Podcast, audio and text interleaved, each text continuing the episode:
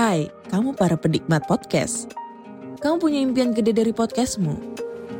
Terus First Story bisa banget bantu kamu.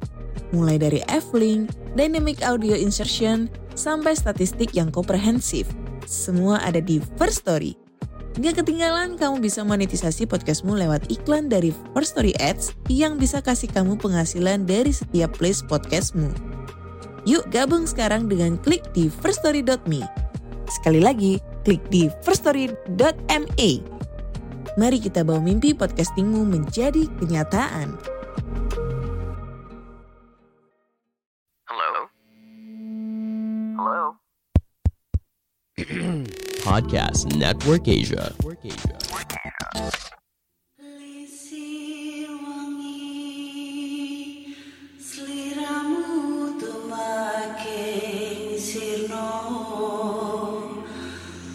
Georgia.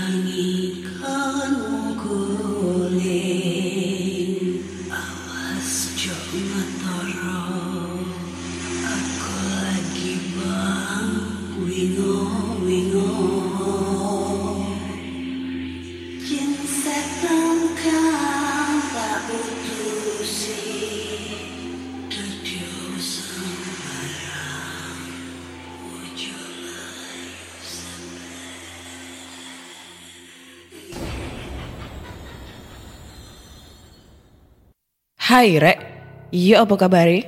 Ketemu lagi dengan aku Ziana di podcast kisah horor. Kita bertemu di episode 211 dan di episode kali ini aku akan bacakan cerita horor ataupun email berhantu yang sudah dikirimkan teman-teman melalui podcast kisah horor at gmail.com atau di Instagram podcast kisah horor serta Google Form yang linknya tersedia di bio Instagram podcast kisah horor. Ha. Kita udah ketemu di kesekian kalinya ya di episode kali ini. Hah, udah banyak banget cerita yang udah aku bacain.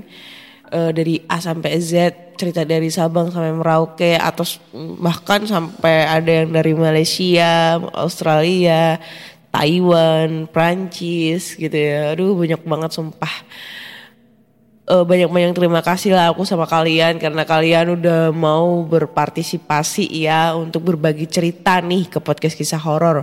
Walaupun banyak banget yang gua baca eh, apa namanya ada yang nggak suka dengan cara pembawaanku, mungkin storytellingnya nggak enak atau mungkin cara pembahasannya yang ngebuat para netizen ini agak sedikit geram gitu ya yang bilang gua halu atau apalah ya.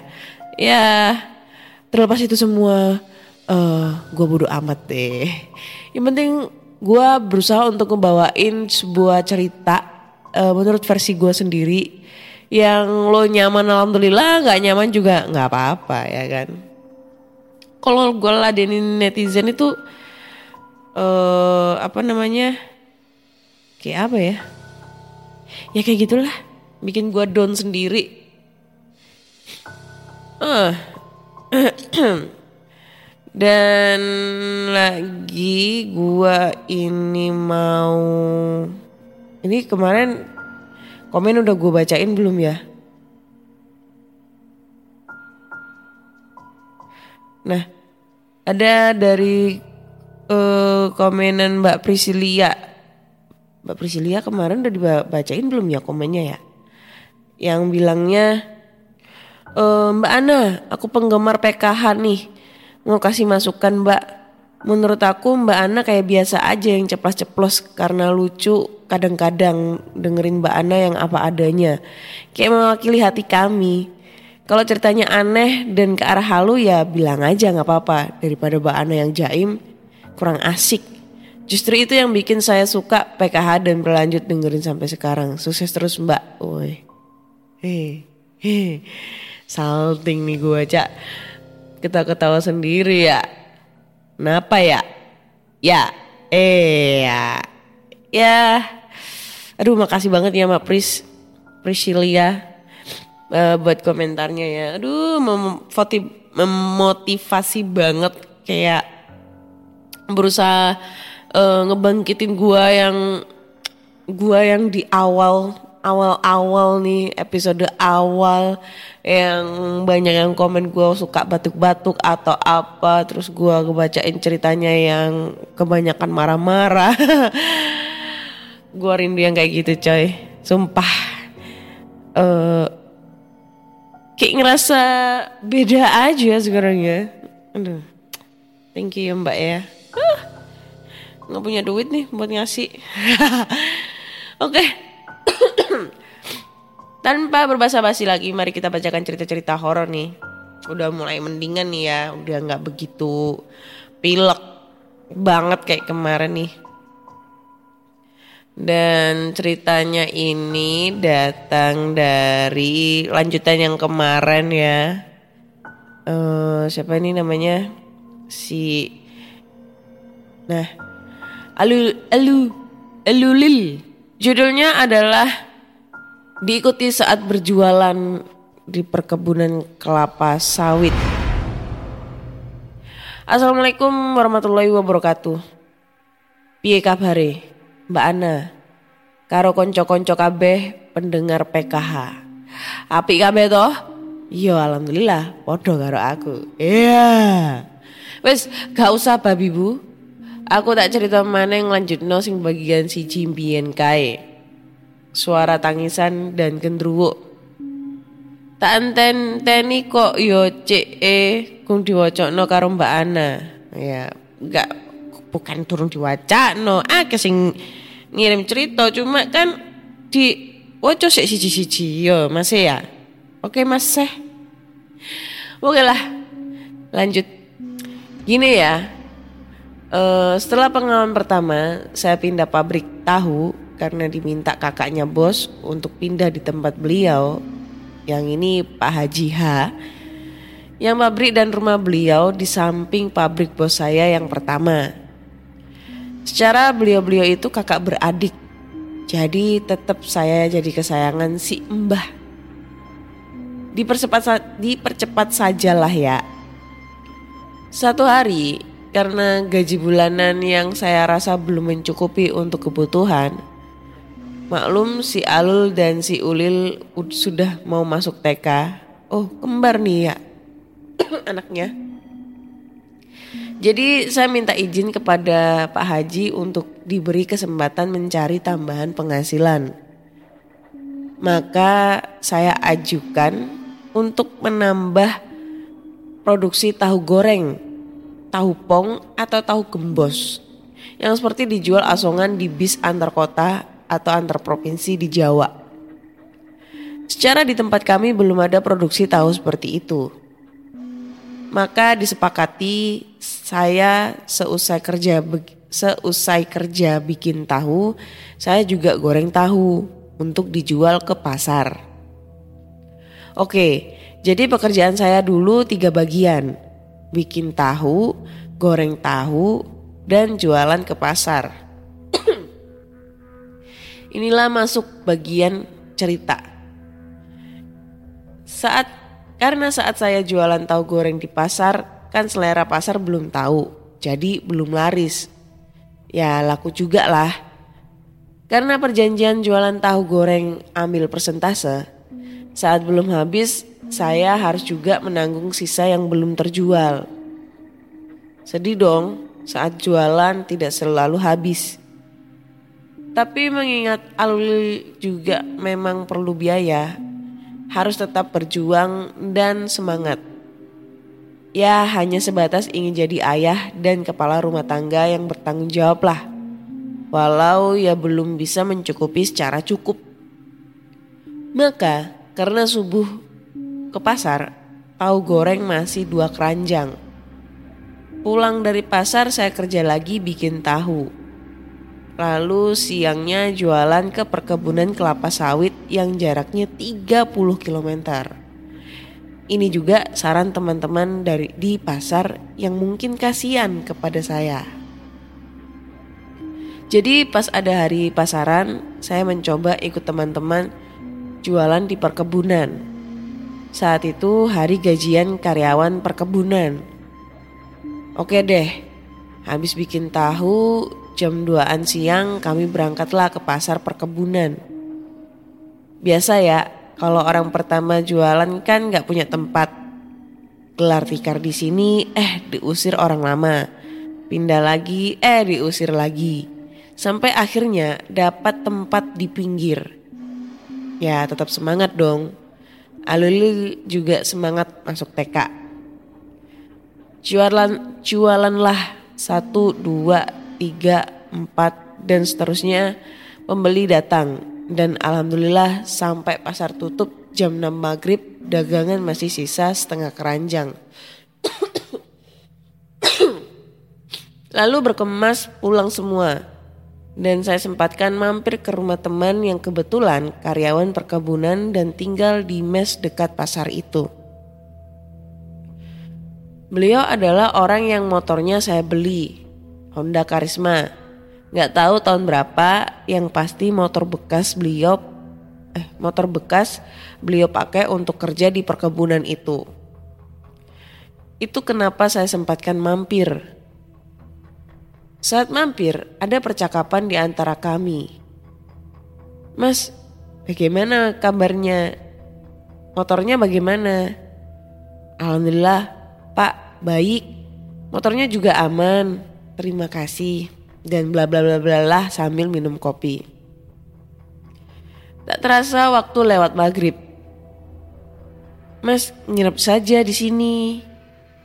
Iya pak, terima kasih. Tapi besok subuh saya harus ke pasar. Agar habis tahu goreng ini. Juga saya pulang dari pasar harus kerja lagi bikin tahu. Aduh. Nginep saja ya mas. Ada sedikit tekanan dari nadanya. Terima kasih pak. Saya juga harus pulang karena bos pasti nanti bingung kalau saya tidak pulang. Ya sudah mas kalau begitu. Hati-hati. Semoga selamat sampai rumah. Sedikit ada sesuatu yang saya rasakan sepertinya beliau mengkhawatirkan sesuatu. Merinding saya saat nulis bagian ini. Lalu saya pamit dan pulang. Di sepanjang jalan ada kawan dari belakang nyalip pakai motor juga. Mas, keteweh kah? Oh iya mas, ayo bareng. Iya, tapi mereka semua nyalip, ngebut meninggalkan saya seolah-olah ada yang ngejar. Atau mungkin ingin cepat sampai rumah masing-masing kali ya, pikir saya. Itu sudah banyak yang nyalip. Saya pikir ya sudahlah, karena saat saya kejar mereka mereka mereka pada ngebut dan saya nggak bisa ngebut karena motor saya bekas. Jalan jalan tidak rata, jalan tanah, ya mungkin teman-teman ada yang paham dan pernah tinggal di perkebunan sawit ya. mau ngebut, motor takut rontok. Kepala motor serasa mau lepas. Jadi saya pikir ya pelan sajalah. Kasihan motor kalau ngebut, takut rontok semua. Tapi harus sabar, kuat karena ingin Alulil suatu saat bisa jadi orang sukses di jalannya masing-masing. Amin. Sampai saya rasa saya sudah paling belakang dan saya senang dalam hati. Ah, masih ada orang di belakang. Pasti mobil. Karena jalan di depan saya terang, seperti mendapat sorotan lampu mobil dari belakang. Saya sedikit kebut dong, takut disalip. Nanti sendirian lagi di belakang. Sekian lama saya merasa kok gak nyalip-nyalip ya mobilnya. Secara logika, jarak sorot lampu dan waktu jalan saya harusnya mobil itu sudah menyalip. Merinding lagi nih. Lalu saya berhenti dan melihat ke belakang. Hah, kok nggak ada mobil? Ya udahlah, merinding lagi. Saya coba jalan lagi dan pura-pura berani saja. Tapi tetap jadi sedikit ngebut. Ya takut juga lah karena sorot lampu mobil itu ada lagi.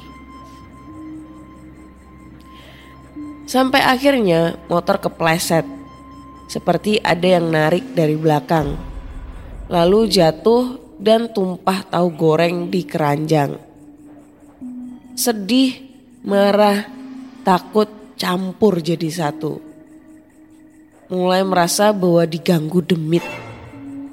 Saya cepat-cepat kumpulkan tahu yang berserakan di jalan. Campur pasir halus. Pokoknya saya masukkan lagi ke keranjang, dibuang rugi, dibawa kena pasir. Lihat kanan kiri, depan belakang sepi.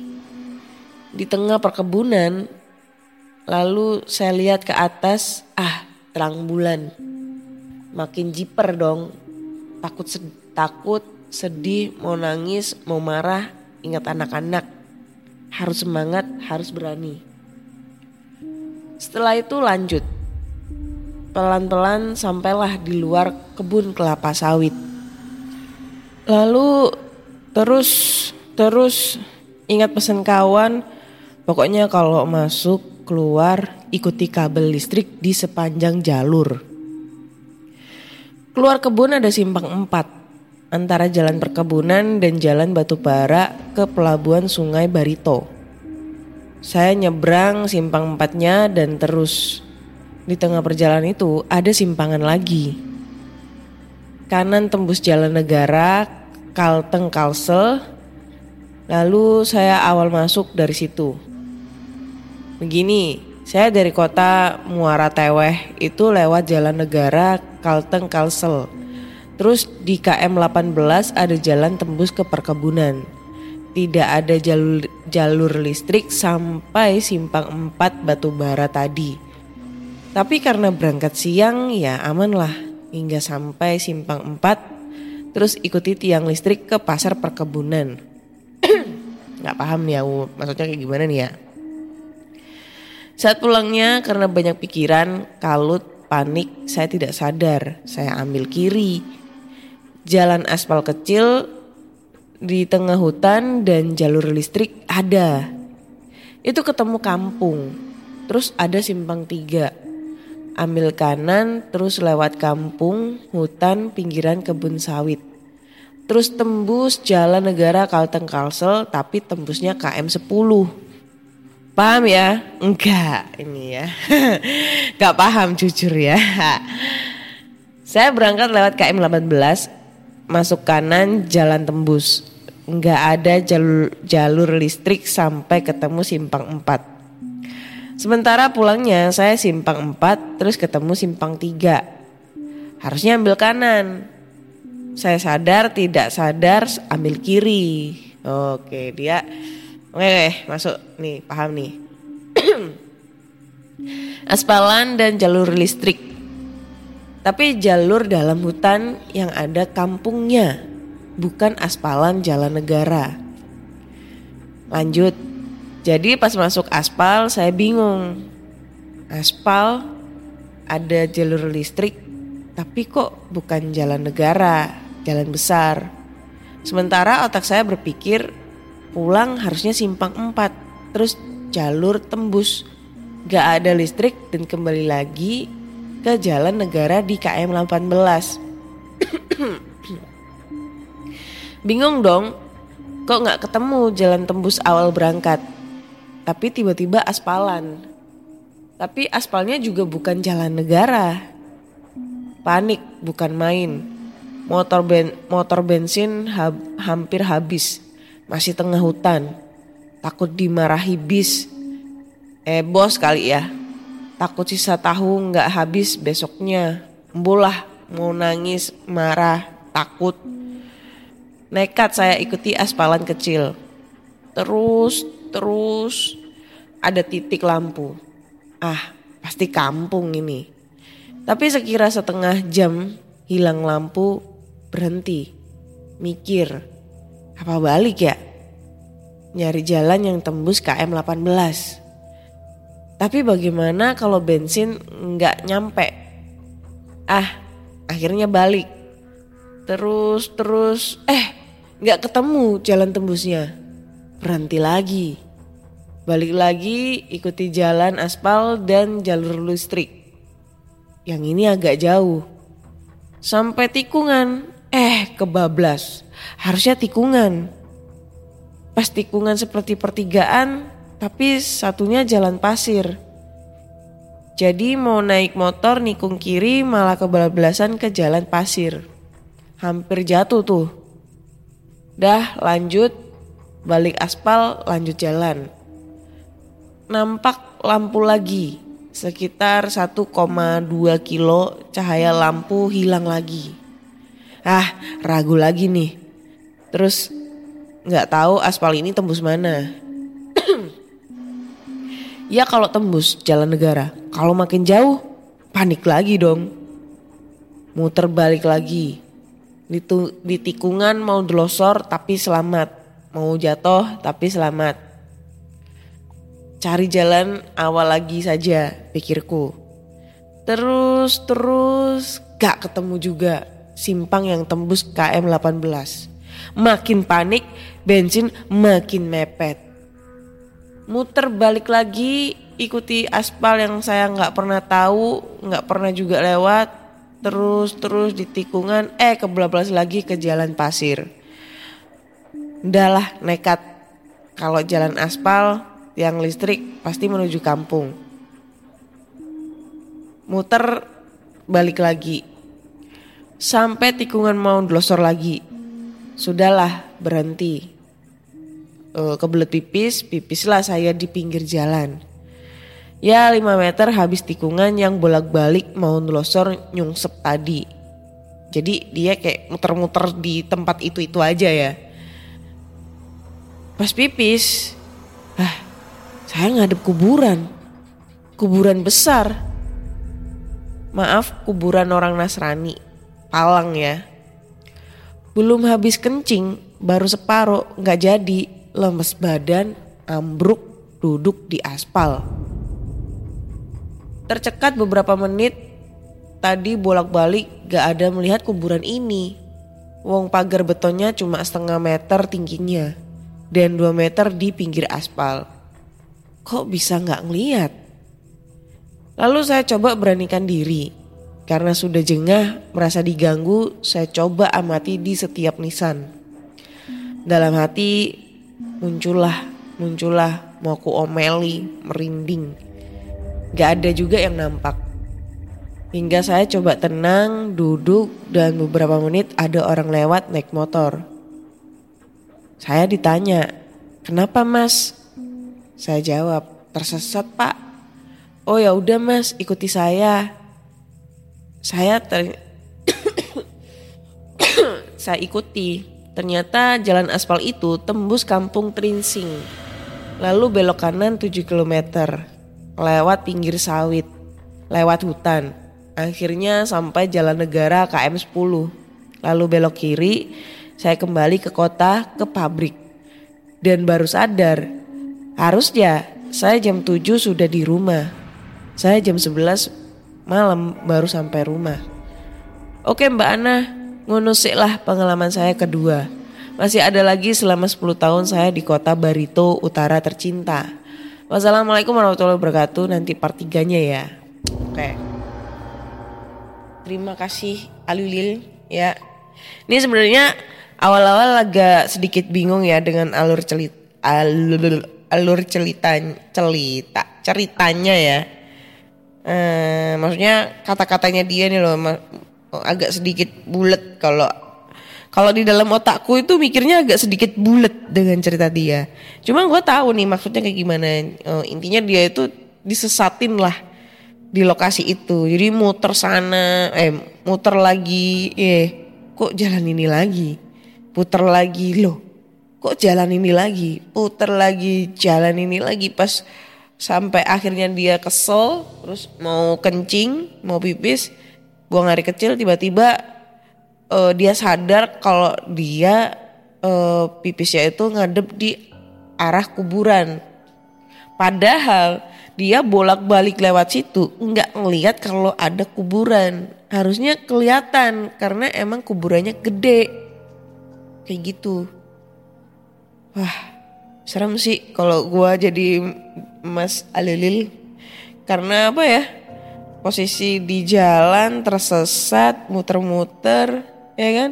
Tanya gue pernah tuh, cuma bedanya kalau gue tuh ya waktu kakakku meninggal dulu itu kakakku yang cewek meninggal terus eh, gue habis nganter pemakaman karena emang pemakamannya tengah malam tuh ya jam 1 baru selesai mau pulang tuh sama mamaku ketinggalan rombongan. Posisi makamnya be gelap gulita. Nggak ada penerangan. Jadi penerangannya itu pakai lampu mobil. Emang pemakamannya itu gede pemakaman komplek gede banget. Di situ gua disasarin tuh. Padahal kalau kita keluar tuh ya maksudnya pas kita masuk itu gampang banget. Cuma lurus belok kiri lurus lagi terus belok belok kiri. Udah nyampe. Kalau balik harusnya eh, belok kanan lurus terus belok kanan lagi. Kayak gitu. Tapi pas waktu aku balik pulang beh tuh kayak diputer-puterin cuy. Kayak ini harusnya si- sini deh. Kok jadinya sini lagi? Muter terus. Kan kok pemakamannya itu kan dibagi dua. Pemakaman muslim sama pemakaman non muslim nah eh, jaraknya pemakaman muslim ke non muslim itu jauh gitu. Non muslim itu di belakang. Kalau di belakangnya lagi sekarang itu jadi pemakaman itu covid gitu kan. Nah itu seharusnya gue nggak nyampe pemakaman non muslim tiba-tiba nyampe pemakaman non muslim coy. Itu mamaku udah marah-marah ya.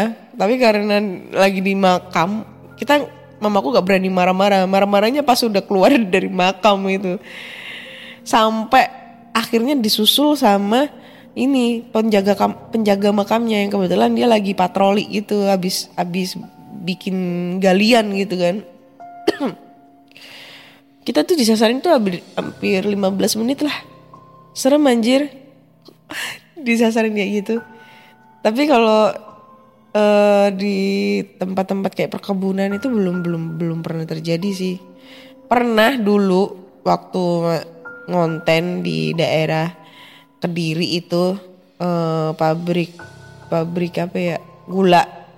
Cuma posisinya gue gua gak disasarin yang kayak Mas Alil itu enggak maksudnya yang kayak heboh kayak Mas Alil itu enggak cuma mungkin kayak disasarinya itu eh apa ya pas jalan kaki menuju lokasi. Kan malam-malam tuh aku jalan kaki ke, lo- ke lokasi eh hampir dua kali nemu lokasi yang sama.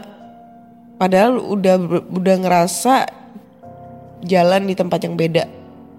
Kayak gitu-gitu deh. Serem anjir. Ada lagi gue disasarin waktu gue explore di sama salah satu konten kreator si Jokal itu di Batu Raden. Tuh itu serem banget mbak. Eh mbak bro gue disasarin tuh hampir masuk jurang. Bayangin. Wah serem anjir oke deh mungkin temen-temen nih punya pengalaman yang kayak Mas Alul itu disasarin gitu pas lagi di kebun atau apa apalagi perkebunan kelapa sawit ya. Kalimantan bro. Kalimantan itu aduh masih hutan-hutan kayak gitu jadi serem juga kalau kalian punya pengalaman pengalaman yang sama nih kayak Mas Alulil kalian langsung aja kirim cerita kalian nih ke podcast kisah horor at gmail.com atau di Instagram podcast kisah horor serta Google Form yang linknya tersedia di bio Instagram podcast kisah horor. Terus gue juga mau ngingetin nih buat temen-temen kalau misalnya ada yang ngerasa pernah kirim cerita ke DM tapi belum gue baca, kalian bisa DM gue lagi ya, kayak nge-replay lagi. Takutnya eh, keting apa ya, kayak kesingsal gitu karena banyak banget nih DM-nya yang masuk belum ke ke pegang satu-satu gitu. Jadi kalian replay lagi biar gue bisa baca duluan gitu guys. Oke, cukup sekian dulu di episode kali ini. So buat teman-teman semua kalau kalian suka dengan ngedengerin dengerin cerita horor nih, kalian bisa langsung aja dengerin selengkapnya di episode episode episode sebelumnya itu di Spotify, Google Podcast, Apple Podcast serta di Noise. Terus kalau kalian juga pengen banget ngelihat konten aku yang explore tempat terbengkalai, kalian bisa langsung aja mampir ke channel YouTube aku namanya Anna Olive. A N N A U L I E V E ya jangan lupa di subscribe, like, comment dan share. Kalau misalnya di tempat kalian, di daerah kalian, khususnya ter, di wilayah Jawa Timur ya, Surabaya dan sekitarnya, eh, ada lokasi yang menurut kalian angker dan bagus untuk dieksplor, kalian bisa langsung aja DM DM. Ntar gua ke sana dah. He. Oke, akhirnya saya Ana undur diri dan terima kasih sudah mendengarkan podcast kisah horor. Bye bye.